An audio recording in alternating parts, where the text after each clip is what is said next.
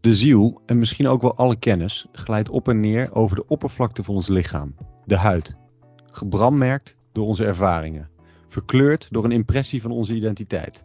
Beklad met inkt en make-up als een voorstelling van de cultuur die we ons toe-eigenen. Op de huid wisselen het subject en de objecten elkaar uit. Zoekt het ik waar het wezen moet. Het is waar de wereld en ik kunnen zijn. Veel meer nog dan we ooit kunnen zien, bezit de huid ons grootste goed: de common sense. Door een ondeelbare mix van vorm en structuur biedt onze huid de mogelijkheid voor de rest, de rest van onze zintuigen. Het verbeeldt ons wie we zijn en waar we zijn. De huid loopt over, is verweven, kent geen begin en eind.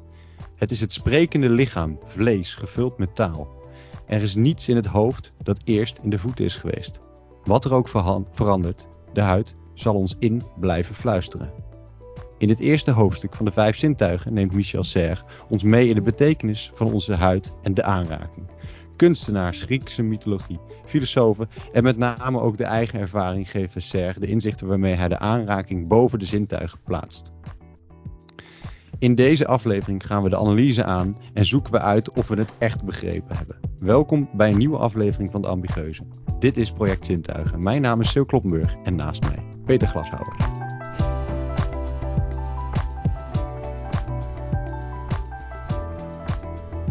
Wauw, is heel mooi.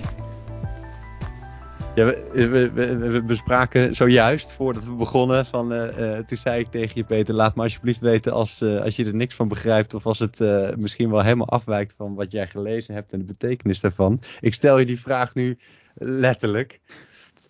Kopt het een beetje overheen met, met het hoofdstuk, of niet? Nou, zeker. Als je, als je het hoofdstuk van Michel Serre leest, dan buitelen vaak de woorden over elkaar heen. En ze hebben allemaal een losse betekenis, maar ze vullen elkaar weer aan. Dus dat heb je denk ik heel mooi ook nu weer ja, weten te vangen volgens mij. Ja, dat, dat is ja, leuk dat je dat zegt. Maar dat is wel, als je de eerste keer dat hoofdstuk leest, je struikelt over de zinnen. De opsommingen, de, de, de, de synoniemen. Hij heeft dan die prachtige nou ja, regels vol met woorden. Die een beetje hetzelfde, de essentie van, van de betekenis van de zin moeten vatten. Ja, ja, dit is wel echt een, eh, een taalfetischist. ja, ja. En, en, dat is juist ook weer zo mooi, maar dan gaan we al gelijk duiken erin. En dat doet Ser ook met je natuurlijk. Maar een taalfetischist en tegelijkertijd zo kritisch zijn op taal. ja, ergens heeft hij het over dat um, in een discussie is net als oorlog voeren. Het heeft nooit iets goeds gebracht. ja. dat is een soort van zijn finale comment aan het eind van het hoofdstuk ook nog dat, dat hij um, van plan is om afstand te doen van al zijn bezittingen als iemand hem kan vertellen wat, wat taal gebracht heeft. ja, het is. Ja we, ja, we benoemen nu al gelijk een heel mooi, uh, mooi stuk, wat, wat best wel dominant ook is in, in het hoofdstuk. Maar jeetje, wat een hoofdstuk weer. We zeiden het al bij de introductie. Um, we, we, verheugen ons natuurlijk op de hoofdstukken die we gaan lezen. Nou, we zijn wel. Uh, Um, we komen niet van een koude kermis thuis, om het zo maar te zeggen. Het is wel een, een, een weer een, een genot uh, geweest om te lezen. Maar ik moet ook wel eerlijk zeggen, ik heb het twee keer gelezen. Ook wel een gevecht geweest om, um, om de opbouw, de lijnen, de, de, de, je zou bijna willen zeggen, het doel wat hij ook heeft met het hoofdstuk, om dat goed te vatten. Hoe heb jij dat, dat ervaren? Ja, nee. Um heel lastig. Soms, soms voert hij je weg. En dan, eh, dan heb ik dus drie bladzijden die ik eerst markeer als ik snap er geen bal van. Ja. En dan zet ik een kruis in. En dan moet ik echt terug om het, om, om het nog een keer op te pakken. Dat is wel echt. Um... En, en laten we eerlijk zijn, ik heb ook echt niet alles uh, even goed begrepen, verwacht ik. Ja. ja. Omdat hij, uh, hij, Ja, wat ik heel mooi vind, is dat je met, met voorbeelden uit de Griekse mythologie uh, um, te maken hebt. En met voorbeelden uit de kunst. Maar wat ik dan ga doen is dat ik dan, als, als hij het heeft over een schilderij, dan ga ik die opzoeken en dan wil ik mhm. die als beeld erbij hebben. Ik ben een beetje een, eh, een beelddenker. Ja. Um, en hetzelfde geldt voor, voor, voor ja, laten we zeggen, een referentie, hoe kort ook, naar een ja, mythologisch figuur of zoiets. Dan wil je even weten wie dat is. Ja. En zo zoek je eigenlijk en dan raak je verdwaald in, in, in leuke, leuke zijstapjes. En dat is, dat is wel de uitdaging geweest, ja. En dat maakt ook dat het lezen van zo'n hoofdstuk gewoon tijd kost. Ja, ja, uh, ja behoorlijk. Misschien moeten we dus nu al excuses aan gaan bieden aan, aan iedereen die met ons eigenlijk meeleest. Of in ieder geval wacht op, op volgende afleveringen. Want ik, ik heb bijna een vermoeden dat dit wel een jaar in beslag gaat nemen als wij vijf hoofdstukken door moeten spitten.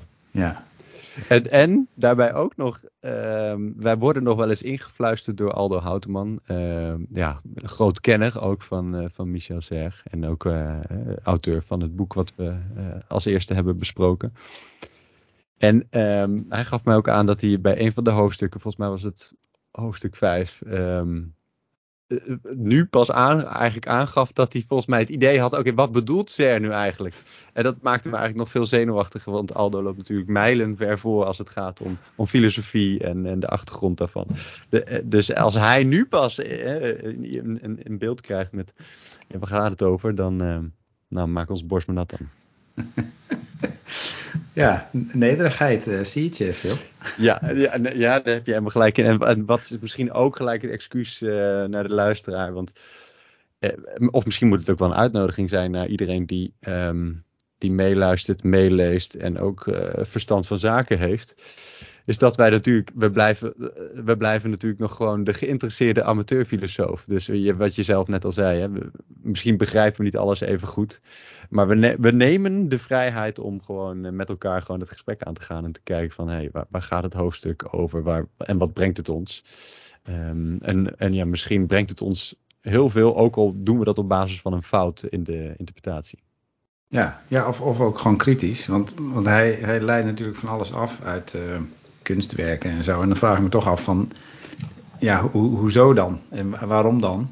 Want eerlijk gezegd, ja, dat jij het erin ziet vind ik mooi en dat helpt me. Maar als ik eerlijk ben, weet ik niet of die schilder dat ermee bedoeld heeft. Hè. Dat ja. is ook weer zo'n, uh, hij neemt in dat opzicht uh, beelden en gaat daarmee zelf aan de haal. Dat is, uh, er zit ook wel over, overduidelijk een, een, eigen mening hier in dit, in dit geheel, toch? Ja, ja, zeker weten, zeker weten. We hebben van tevoren natuurlijk ook een beetje uh, met elkaar erover gehad van hoe gaan we zo'n hoofdstuk ook bespreken. Um, we, gaan ook een beetje zoeken. We, dus we gaan er chronologisch doorheen. We zullen wat zijpaden nemen en we gaan kijken hoe dat de komende drie kwartier uh, zich ontwikkelt. En om te voorkomen misschien wel dat we er nu hè, bladzijde voor bladzijde doorheen gaan. Uh, wil ik je gewoon een eerste vraag uh, voorleggen. En dat gaat over die kunstenaar. Nou, nee, daar, daar kom ik zo op. De, de, eerste vraag gaat zijn: gaat dit hoofdstuk nu over huid of gaat dit hoofdstuk over aanraking? um, jeetje. Ja, um, um, beide, als ik het mag zeggen. Want het huid wordt een beetje voorgesteld volgens mij als, als de, de, de scheiding tussen de binnenwereld en de buitenwereld. En uh, zoals je bijvoorbeeld de overgangen tussen lucht en water uh, hebt, zit daar natuurlijk een soort van scheiding in. En zeker uh, nou ja, als het bevroren is, is die vrij hard. Maar, maar als die warm is, dan heb je een soort dampovergang. En dus, dus volgens mij introduceert hij iets wat, wat echt een, dat je huid moet zien als niet, niet een harde scheidslijn en niet, niet een medium of een vehikel in dat opzicht, maar meer een, eh, een, eh, een mix van dat alles. Dus, dus een, een, vloeiende overgang. Ik zelf zat te denken aan de binnenwereld van een celkern en de buitenwereld van een celkern. Weet je, een continue ja. in- en uitvloeien van, van alles. Ja. Um, um, maar dat, dat gaat dus deels wel over de huid als vorm. Maar uh, bijna, bijna 80% gaat denk ik over de betekenis van die huid voor die mens die daarin zit. En de, de, de beleving van, uh, ja, zoals jij het net mooi zegt, alles wat gerelateerd is aan, aan tast. En, en dus, dus heeft hij het heel erg, denk ik, over het, uh, ja, de uitwerking van het zintuigelijke, de zintuigelijke ervaring die de huid oplevert. Ja. En is het, is het, is het, denk jij niet voor niks dat hij begint met de huid in, in, dit, in dit boek? Nou ja, het lachen is dus dat. Um, de, de, ik appte jou ergens een paar weken geleden. Um, ik begin hem te snappen, want ik snap waarom de huid een soort uh, voorrang krijgt boven andere zintuigen. Maar dat was nog voordat hij eigenlijk letterlijk ook dat, dat, um, dat pleidooi houdt waarom dat zo is ja. volgens hem. Maar dat zat hem in de voorbeelden die hij gaf. Um, over dat je.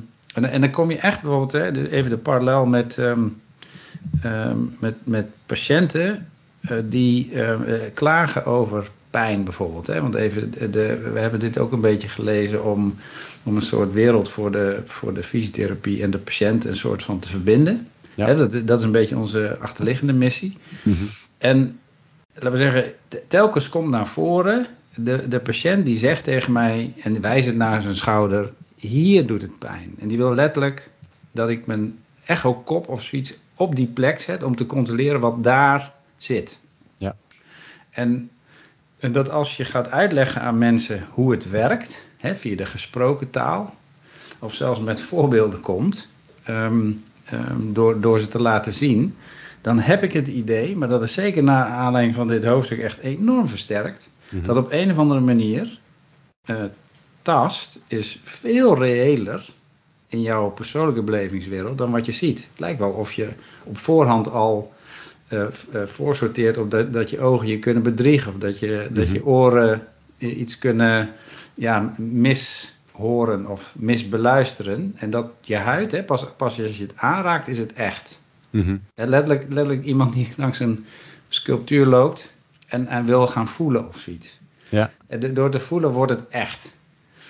Dat, daardoor komt die tast wel echt met, met, ja, met voorsprong op één als het gaat om um, uh, interpretatie van die buitenwereld. Zou ik zeggen. Dus, de, dus de, de, um, daar, dat gaf je toen ook aan. Hè? Daar waar al onze andere zintuigen nog de mogelijkheid hebben, of in ieder geval daar zou je kunnen over kunnen speculeren dat, het, dat, dat ze je bedriegen. Is dat bij tast veel moeilijker uh, uh, voor te stellen. Volgens mij is dit ook een van de argumenten van Descartes geweest, hè, natuurlijk. Um, en hij kwam op die conclusie van, eh, ik denk, dus ik ben. Dus uiteindelijk, volgens mij zet hij dan ook zijn twijfels bij de tast.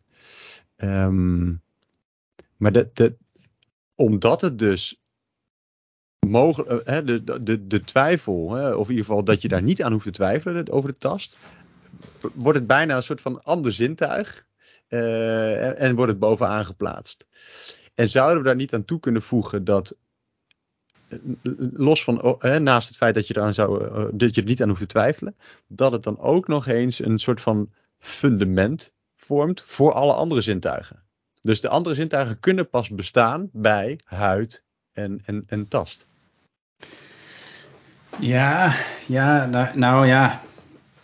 Hij heeft, heeft zo'n uh, zo'n mooi voorbeeld van die, uh, van dat Molineux-probleem. Heb je die gezien? Ja, maar dan moet je me wel even helpen, want... Um... Ja, dat, dat hij een... Um, echt een, een klassieker uh, in de filosofie schijnt, dat, dat um, uh, die meneer Molineux, die heeft, heeft de vraag neergelegd van... Hè, dat was echt al in uh, 15, 1600, geloof ik. Maar dat je, dat je dus... stel dat iemand, een volwassen man die blind is... Ja op tast heeft leren identificeren wat een kubus of een cirkel is. Dus als je hem een bal geeft of een, of een kubus, dan kan hij die identificeren op basis van tast. Maar stel nou dat je hem plots de, de, um, de, de gift of sight zou geven, dus zou maken dat hij kon zien, zou hij dan op het zicht die vormen ook kunnen herkennen. En dan is het antwoord nee, dat zijn twee totaal gescheiden sensorische fenomenen, omdat hij tot op dat moment nog nooit heeft geleerd om die twee dingen te koppelen. Daarom zijn ze gescheiden. Dus het is, het is puur de ervaring rondom sensorische informatie, zou je bijna zeggen, die bepaalt mhm. wat je ermee kunt interpreteren. Dus mhm. in antwoord op je opmerking zou je zeggen, ja, eigenlijk zijn dat, kunnen dat gescheiden werelden zijn, mm à la Descartes. En ja, het is moeilijk om daar een soort organisatie aan te geven. Van de een is belangrijker dan de andere. Nee, volgens mij moeten ze samenwerken. Anders, anders is het niks of zo. Ja, maar, dat, dat, ja, dus, maar volgens mij is dat ook wel wat CR natuurlijk eh, volgens mij ook wel probeert aan te geven. Hè, over uh, op een gegeven moment die paragraaf waarbij het heel erg gaat over die mixture. De, de mix, van, uh, mix van zintuigen. Uh, hoe, hoe, hoe gehoor en reuk eigenlijk en, en, en tast en reuk ook samengaan. Ik bedoel, de, de, de, uh, of tast, ik moet zeggen de huid ook. Um, de, de vorm van ons oor, de, de, de oorschelp, de vorm van onze neus, maakt ook uiteindelijk dat we kunnen ruiken of dat we kunnen horen. Dus ik, als ik toch één citaat in mag gooien. Um, een tastbaar medium is nodig voordat vorm, kleur en toon kunnen bestaan. Ja, dus er is iets, iets nodig, een tastbaar medium, voordat al die andere ervaringen eigenlijk kunnen, kunnen gaan ontstaan. Is dat dan niet al een. Uh, uh, dat je, dat je, dat je um, huid, dat je aanraking voor de rest moet denken? Ja, nou ja, als ik, als ik daar de ervaringen van de patiëntenzorg ja. op mag plakken. Kijk, ik, uh, ik, ik ging voorheen ging ik aan patiënten uitleggen um, dat, dat, je, dat, dat uh, pijn is een mechanisme wat uh, geleerd is door het zenuwstelsel. En mm. er zit een soort versterkingsmechanisme in. En die zorgt ervoor dat jij um, continu um, op scherp staat. En dat alle, alle prikkels die je binnenkrijgt, dat die echt als, als bedreigend worden ervaren. Ja. En, uh, en, en zo, zoals je uh, ook in moderne cursussen over pijn leest, dat je met een, met een optische illusie dat kunt demonstreren in hoeverre um, wat je ziet niet echt is. Ja, succes, want um, patiënten zeggen letterlijk van ja, maar ik, ik, ik, dat is kennis die ik best wel van, van je wil aannemen, maar toch heb ik pijn. En die zit hier. Ja. En toch wil ik uh, weten hoe dat werkt. Terwijl als ik dan tegenwoordig doe ik dat met een soort van um, monofilamentje. En dan laat ik ze gewoon, dan raak ik ze aan op een hand. En dat voelt dan als een soort tast. Maar als ik ze dan op, de, op mijn schouder prik, dan zeg ik, oeh, dat is scherp. Dan zeg ik, wacht even voor, even terug. Weer op je hand, dan op je schouder. Dat, dat is dezelfde prikkel. Dat is een heel duur ding, waarvan ik zeker weet dat ik altijd even hard duw. Maar is dit dan een argument dat het, dat het toch allemaal hier gebeurt? En ik, voor de luisteraar, ik wijs nu naar mijn hoofd. Dat, dat, dat, dat, interpretatie uh, pijn is? Nou nee, het mooie is dus dat, dat, uh, dat laten we zeggen, door, door naar dat gebied te gaan waar zij last hebben. En daar die ervaring te geven van hoe, hoe tast daadwerkelijk scherp en pijnlijk kan worden. Gaan ze pas voor het eerst nadenken van, hé, hey, hoe kan dat nou? Dus wat, wat ik voel, is dat dan echt? Of word ik gefopt door mijn eigen zenuwstelsel? En dat er een soort tussenwereld in zit. En dat tast is dus wel in die zin dominanter in het aanzetten van denken dan uh, informatie. dus uh, daar waar cogito ja, de boventoon voert in, in, in onze gesprekken mm -hmm. tussen patiënten en therapeuten, dan is dit, een, uh, is dit een mooi voorbeeld, denk ik, waarbij je ze via de ervaring aan het denken kunt zetten. En dan is tast is, is wel heel dominant, lijkt dat te zijn in mijn ogen.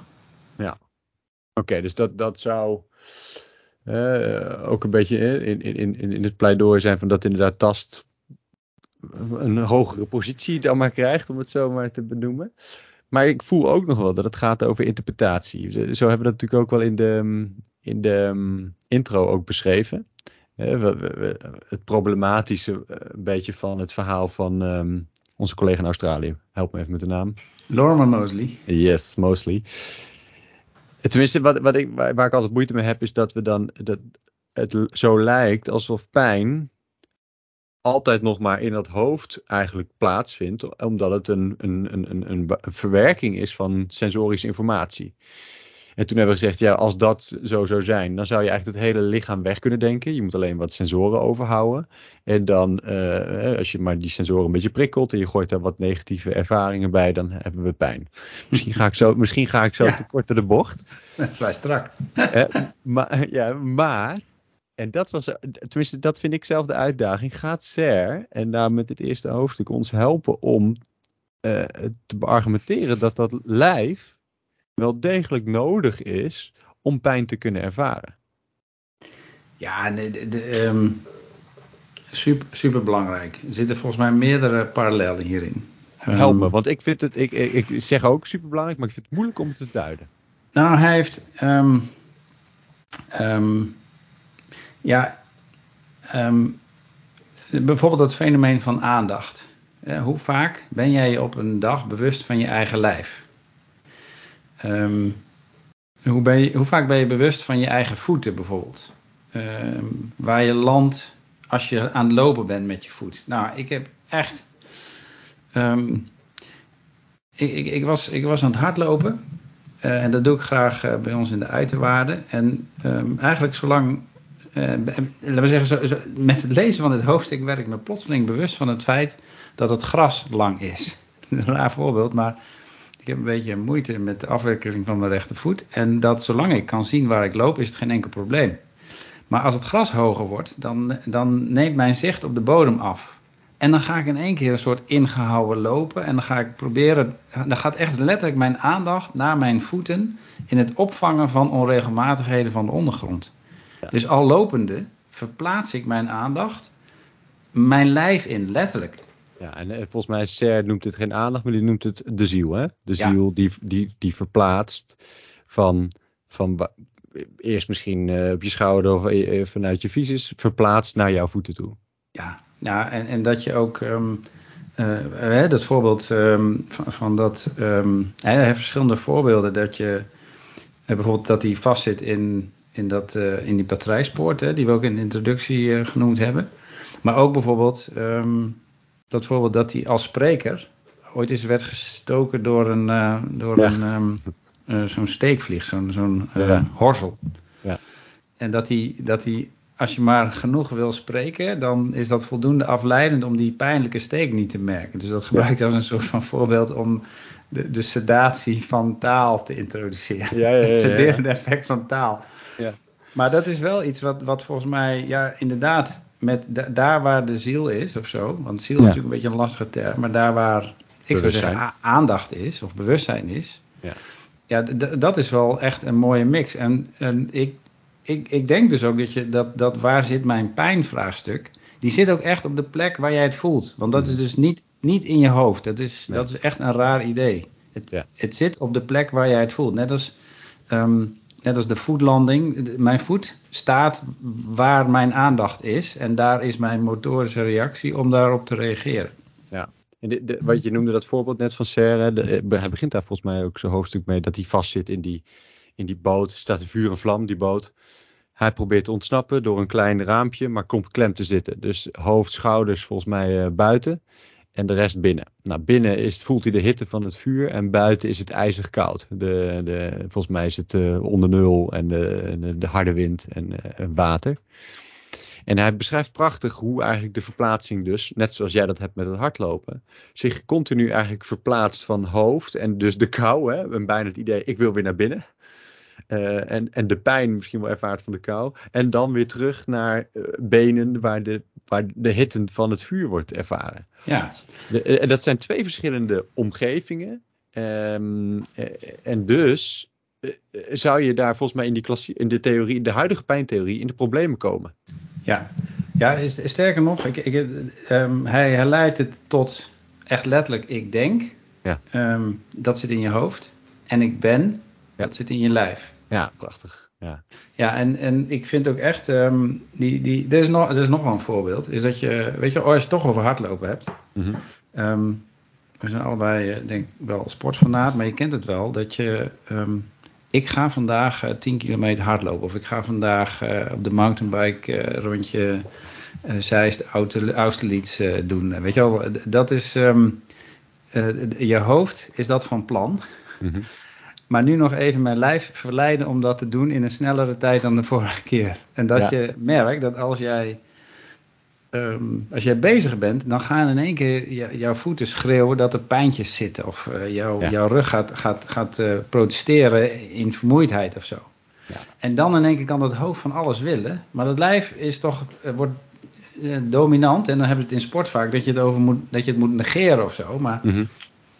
Ja, het prachtig voorbeeld. Ik ben zondag, was ik hier nog achter. En je had net over Auschwitz-Zeist, dat is bij mij achter hier. En ik was er inderdaad. En eh, die verzuring in de bovenbeen die ontstond, een vorm van pijn, iedereen kent het, kent het hopelijk toch wel. Dat is ook dat, die verplaatsing. Dus ik zit dan in mijn benen. En daar vindt daadwerkelijk ook volgens mij de pijn plaats. En eh, ja, dus zou ik diezelfde pijn kunnen ervaren zonder die benen? Nee, tuurlijk niet. Maar um...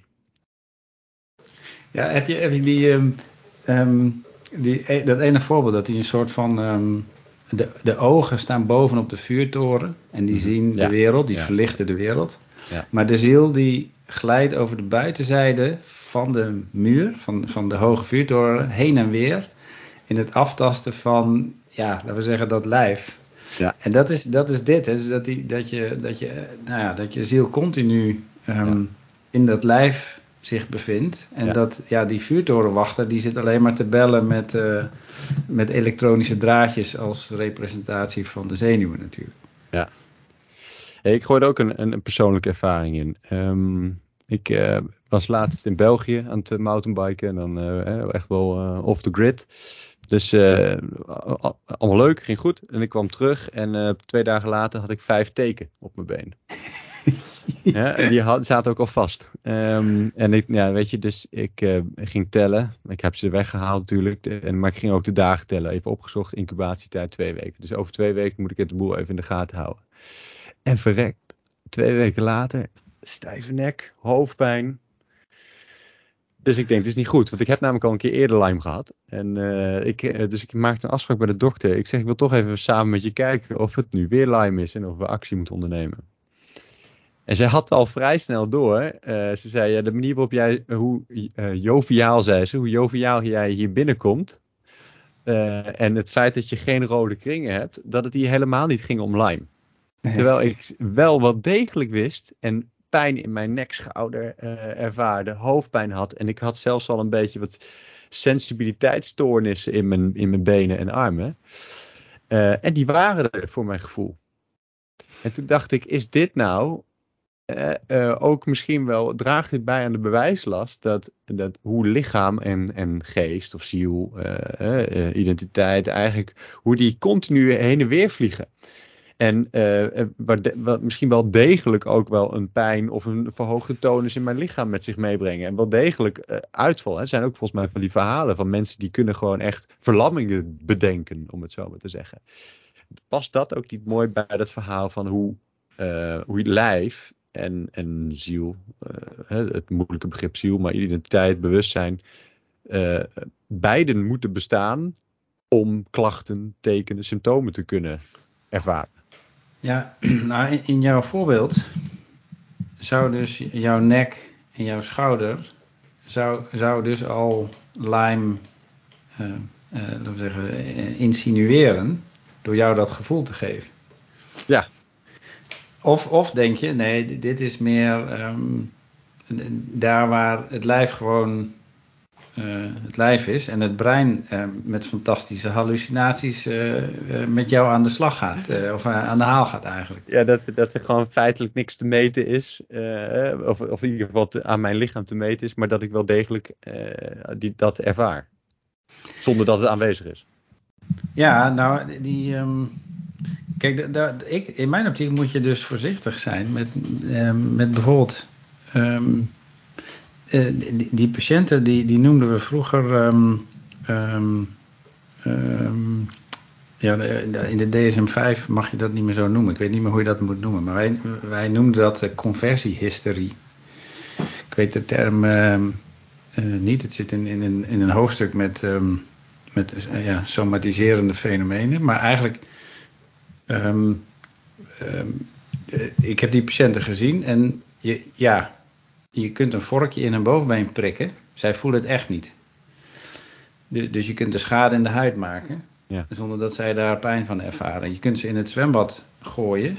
eh, ze gaan niet zwemmen met die benen, dus, dus ze verzuipen, omdat, laten we zeggen, zo echt is het wel. Ja. Toch, toch als, ik, als ik ze op de bank heb en ik ga bewegingen met ze maken, dan voel ik dat er rompstabiliteitsfenomenen zijn die mensen met een slappe parese niet hebben. Dat is het gekke hieraan. Dus de, de, het lijf is in dat opzicht ehm, toch wel vrij dominant in het, in het, in het klinische beeld. En psyche heeft echt de, de- ja, een soort van ehm, bijrol op dat moment. Ja. Wat, wat, ik, ik, weet, ik weet niet goed hoe ik dit moet duiden, maar dit is wel, dit is wel een, een ja, hier zou je op zijn minst zeggen, hier, hier moet die mix gaan plaatsvinden van meerdere sensorische systemen of meerdere zintuigen om te kunnen verklaren wat er gebeurt. Ja. En dus misschien juist wel de dominantie van één systeem. Hè? Ja, die, volgens, ik heb wel het gevoel dat we nu op dat punt aankomen waar we, waar we precies moeten zijn. Hè? We, we hebben kritiek, of tenminste, dat, dat is volgens mij ons doel ook, een beetje problematiseren om te kijken van, hey, hè, wat de betekenis en, en begrijpen we het goed. Als het alleen over ons tweeën.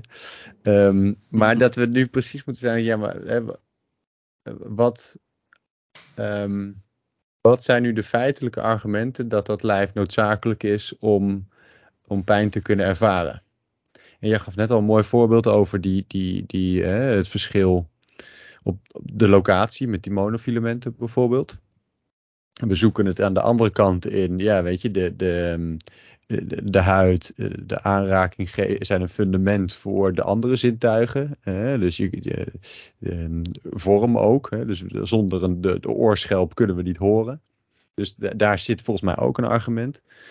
Kunnen we daar nog wat aan vastplakken? Waarvan we zeggen, ja, weet je, dat, dat op basis van dit hoofdstuk hebben we nodig om pijn te kunnen varen. Ja, nou, ik, voor, mij, ik wil, ik wil echt een, eh, een, een lans breken voor ehm, het idee dat, dat de huid is, is letterlijk jouw herinnering.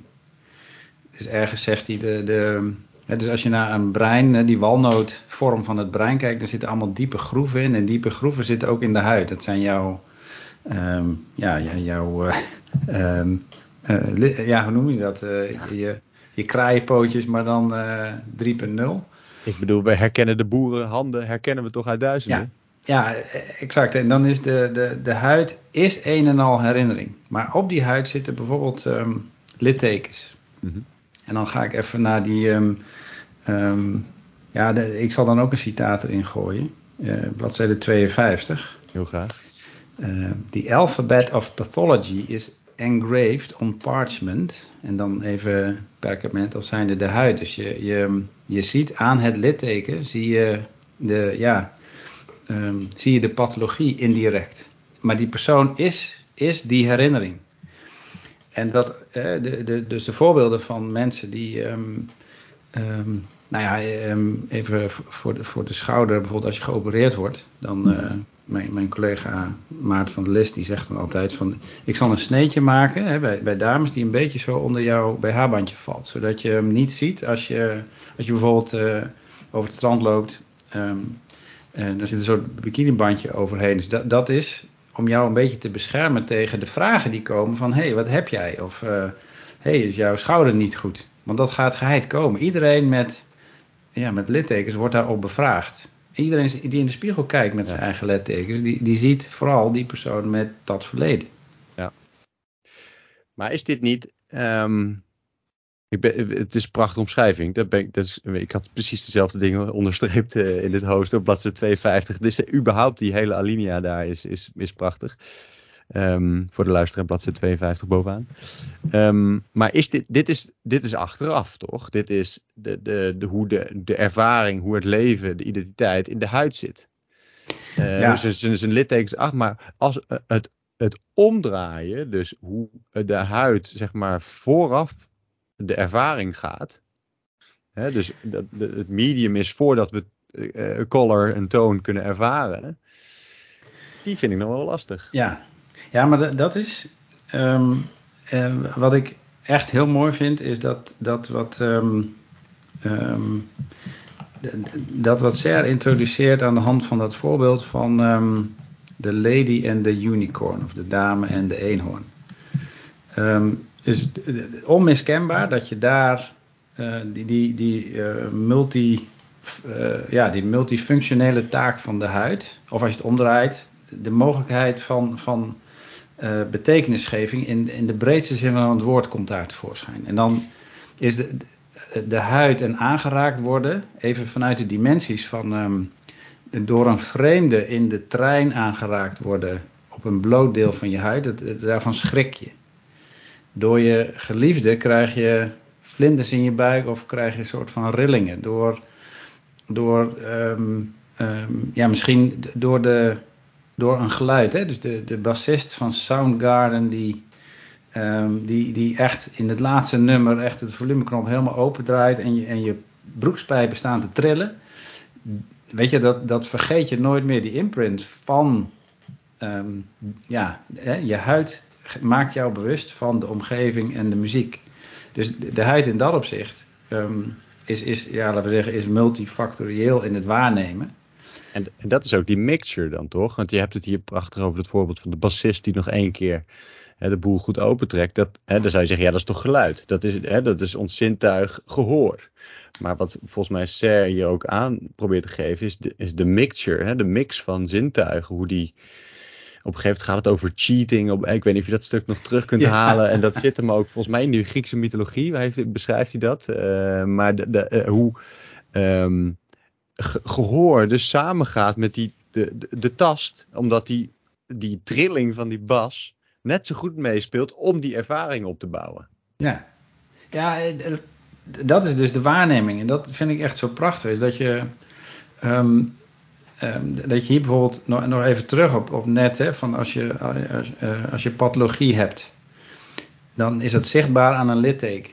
Maar het is ook voelbaar voor die persoon. En niet alleen in hoe het eruit ziet, maar ook met alle herinneringen erbij.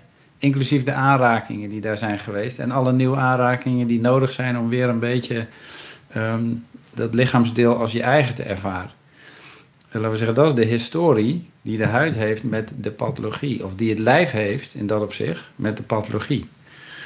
Um, dus in die zin ben je je herinnering en ben je je, ja, ben je je, je pathologie uh, ja, door wat er zichtbaar is en voelbaar is. Ja, ik, ik ondertussen denk ik, Jij ziet dat misschien ook wel aan me, maar voor de luisteraar die denkt, waar is die? Um, weet je, uh, ik heb het gelezen, het hoofdstuk. Ik kan je volgen. Uh, ik herken nu de stijl van Serg. Ik weet dat ik niet bang moet zijn. Het is zo mooi hoe jij ook een keertje appte van, ja, weet je, dit vind ik heel mooi. Maar dat stuk, dat, ik, ik snap er even niks van. En dat ik je terugstudeer. Laat ook een beetje gewoon je, je ideeën de vrije loop. Ja, dat hele idee van de, de tattooing, die heb ik helemaal gemist. Ja, dus, er staan nog steeds kruisen bij mij. Toen, nodig ik je uit van laat gewoon je, je, gewoon, eh, niet je fantasie, maar in ieder geval laat gewoon de, de, boel een beetje de vrije loop om, om er toch wat uit te halen. En uh, nou, ik denk dat we daar nu wel redelijk in gesynchroniseerd zijn. Maar ik kan me ook voorstellen dat de luisteraar die nu, die, die, die, rolt net de, de fysiopraktijk uit en die denkt, nou op de terugweg pak ik nog even een ambigueuze mee. Uh, dat hij zegt, jeetje jongens, uh, dit wordt wel, wordt wel vaag. Dit wordt wel, dit wordt wel gewoon uh, tegen het licht poëtische, spirituele aan misschien wel. Um, hoe, hoe verandert dit nou morgen mijn werk in de, in de praktijk? Ja, mooie, mooie vraag. Um, ik denk dat je het, dat woord identiteit moet verbinden aan uh, aan het lijf en vooral aan in dit geval de huid. Dus wie jij bent is wat je ziet en die persoon is hoe die bekeken wordt. Uh, dat, dat is die scheidslijn tussen uh, de binnen- en de buitenwereld. Uh. Dat slaat trouwens ook, ik zit even, nu je dit zo zegt, het sluit ook weer aan mooi bij die aflevering die we toegemaakt hebben over abnormaliteit. Het artikel van Jenny Slotman. Ja, ja. Hè? Uh, hoe, het, ook dat, dat voorbeeld wat je net gaf over die kleine incisie plaatsen onder het, het bandje van de BH. Omdat dat hè, die abnormaliteit maar probeert te voorkomen. Ja, maar ik, ik zit ook te denken, de, de, als we in een soort moderne um, gezondheidszorg leven, dan is veel, veel voor de fysiotherapie verschuift richting hands-off. Mm-hmm. Maar maar hoe, hoe kan ik jou nou vertrouwen? Je, je, dus ik ben patiënt, jij bent therapeut. Als jij niet eens je hand op mijn zere plek legt. Letterlijk en figuurlijk. Hoe kan ik jou nou vertrouwen dat jij weet wat ik voel. Als je, er niet eens, als je niet eens met aanraking in staat bent geweest om mij dat te laten voelen. Dat, dat blijft een soort universeel vertrekpunt. Uh, los van het gesprek dat we hebben. Ja. En dat ik, dat ik uh, dat ik jou vertrouw in dat jij begrijpt wat ik ten eerste instantie voel, maar ook -hmm. een beetje wat ik doormaak. Ja. En indirect, um, eh, ja. net in mijn vaagheid, ook het, het verleden wat ik daarin meedraag. En misschien wel, nu je het hebt over de aanraking en het belang daarvan in, in het beroep fysiotherapie. En, en de mixture van zintuigen. Hè? Dus we gaan, um, noem eens wat, we gaan trainen, we gaan balans trainen kan ik daar dan niet ook die mixture van zintuigen inzetten? Dus en dat, dat, volgens mij vindt de patiënt, cliënt het ook alleen maar fijn. Dus iemand staat op een tol, je houdt nog even die knie vast. dus je maakt gebruik van de tast om de andere zintuigen te trainen. Ja, ja exact. Uh, ik creëer veiligheid doordat jij het idee hebt dat ik je vasthoud.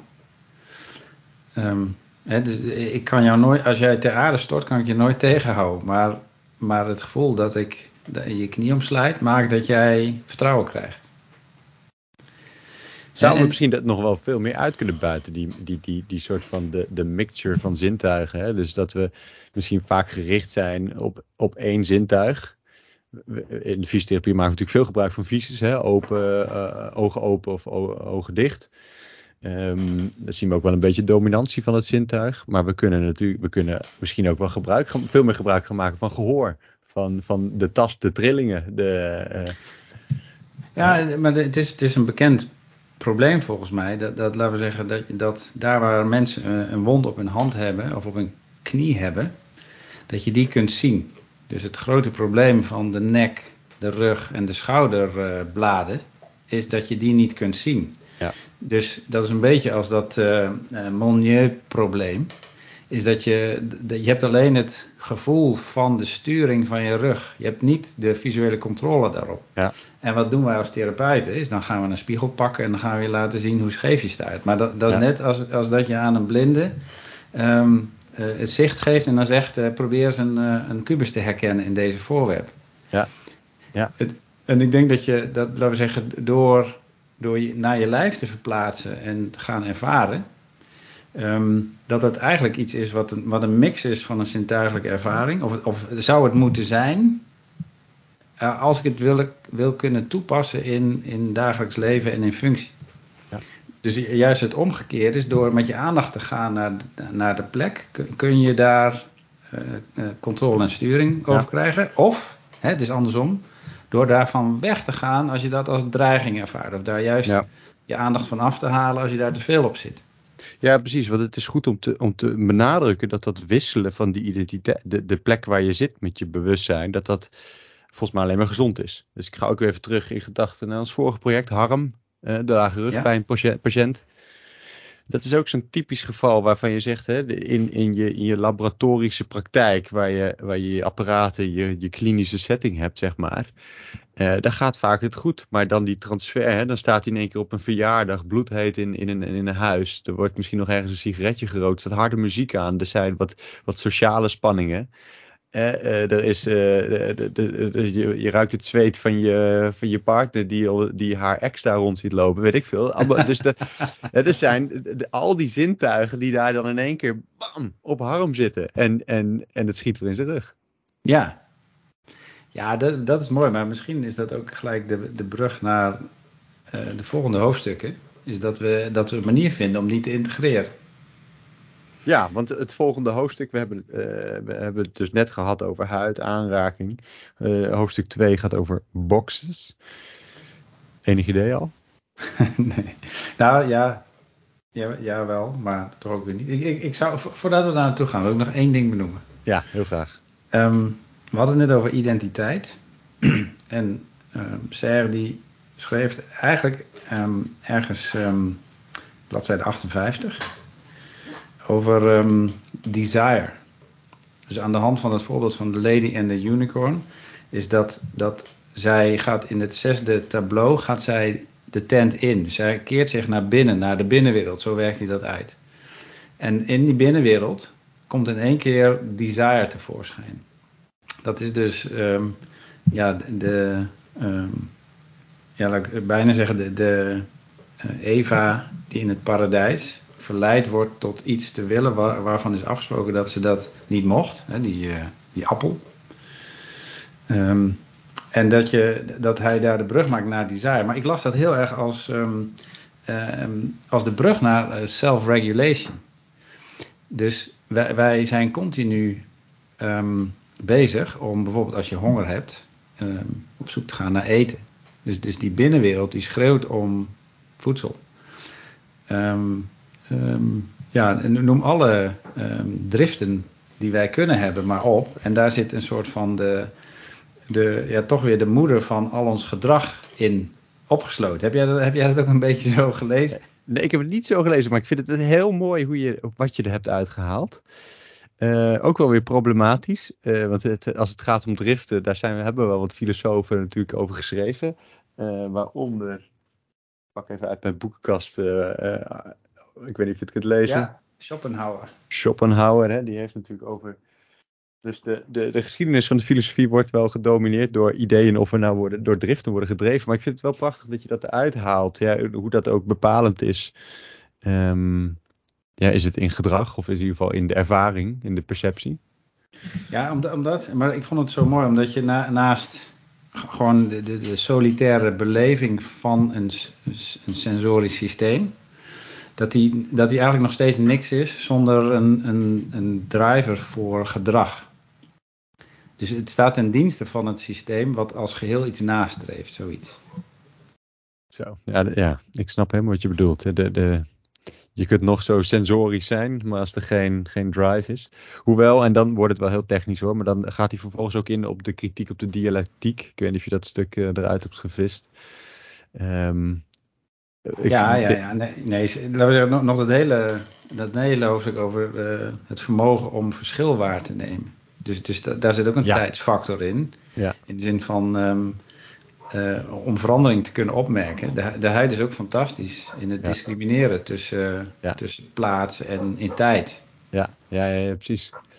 En uh, nu zit toch even de opzomming. Het lijkt wel het is de stort, maar de, de, ook de invariant en de variant. Het zijn best wel wat technische termen die daar voorbij komen. Assenpoester als, als uh, fairy tale die daar nog voorbij komt. Ja. Um, het, het, het is te veel om allemaal in dit uur te proppen. Um, maar ik heb wel het gevoel dat we op gang zijn. Dat we, um, dat we proberen te ontleden van ja, in hoeverre dat lijf nu een rol speelt ook in de ervaring van pijn. Um, ik denk dat het, nou ja, beste luisteraar, heb je, heb je ideeën, heb je vragen, lees je met ons mee. Ben je totaal niet eens met uh, de stellingen die we hier uh, deponeren. Laat het ons vooral weten via ambigeuzen.gmail.com. Uh, je kunt tegenwoordig ook een, uh, een likeje plaatsen op, um, op Spotify of het uh, platform waar je, je luistert. Dat zouden we natuurlijk leuk vinden, want het geeft ons ook een beetje houvast of we de goede kant op gaan. En dan heb ik nog niet eens over onze eigen likejes, Peter, want die, die delen we natuurlijk ook wel uit aan elkaar. um, we duiken de zomer in. Het is, het is nu 11 juli. Het is tegen half tien, lang licht. Um, we gaan allebei richting Italië.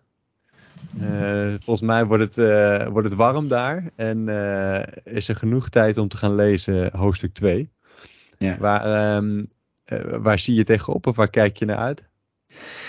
Um, nee, ik, ik, vind, ik vind het prachtig. Ik vind het echt prachtig. De, ik, ik ben vind ik zelf taalgevoelig. Alhoewel ik er niet heel secuur in ben in het uitspreken vaak. Maar ben ik heel erg. Uh, ik dacht dat ik een beelddenker was, maar ik ben ook een taaldenker. Um, als in dat ik, dat ik heel erg gevangen word door, door ja, de, de, de, ja, de belezenheid van die, van die man die, die met voorbeelden komt waar ik nog nooit van gehoord heb. Ik, daar, daar kijk ik heel erg naar uit, want daar geniet ik enorm van. Bovendien. Um, ik ben ook zwaar onder de indruk. En zoals we net ook zeiden tegen elkaar, we zijn ook echt confuus van wat er allemaal te halen is hier. Dus dit ja. is denk ik filosofie uh, ten top. Ja, zeker weten. Hey, we doen een soort van tussenconclusie. Ja? Dus na elk hoofdstuk gaan we proberen al of we een stap verder zijn. Um, dat lijf, uh, we hebben het nu gehad met name over aanraking en de huid. Um, en we zouden op dit moment een voorzichtige conclusie kunnen trekken dat dat lijf wel degelijk nodig is om überhaupt de ervaring, de, de, de zintuigelijke ervaring mogelijk te maken. Um, en, en, en we zien dat dat lijf ook nog eens een rol speelt om het bewustzijn, een soort van uh, pad uh, te maken voor dat bewustzijn. Zodat het mogelijk is om je, om je überhaupt te begeven in relatie tot de wereld of in de wereld, in je lichaam. Um, en, en, en, en, ja, dat zijn toch wel twee belangrijke aspecten als het gaat om de noodzakelijkheid van het lijf in de ervaring van pijn of überhaupt de ervaring van het algemeen heb je nog iets waar je zegt, ja, dit, maar dat moet ik nog even aan toevoegen? Nee, nee, prachtig. Prachtig. Ik, eh, ehm, het zijn in je lijf en je omgeving is, is bewust zijn. Dat is dus je bewustzijn. Daar gaan we mee afronden, Peter. Ik dank je enorm. Um, ik wens je een hele goede zomer. En we, we, moeten wel blijven appen, want dat, eh, dat motiveert en dat, uh, dat prikkelt. Ja, en, is gelijk, Seel. Eh, dankjewel. We spreken elkaar weer in september.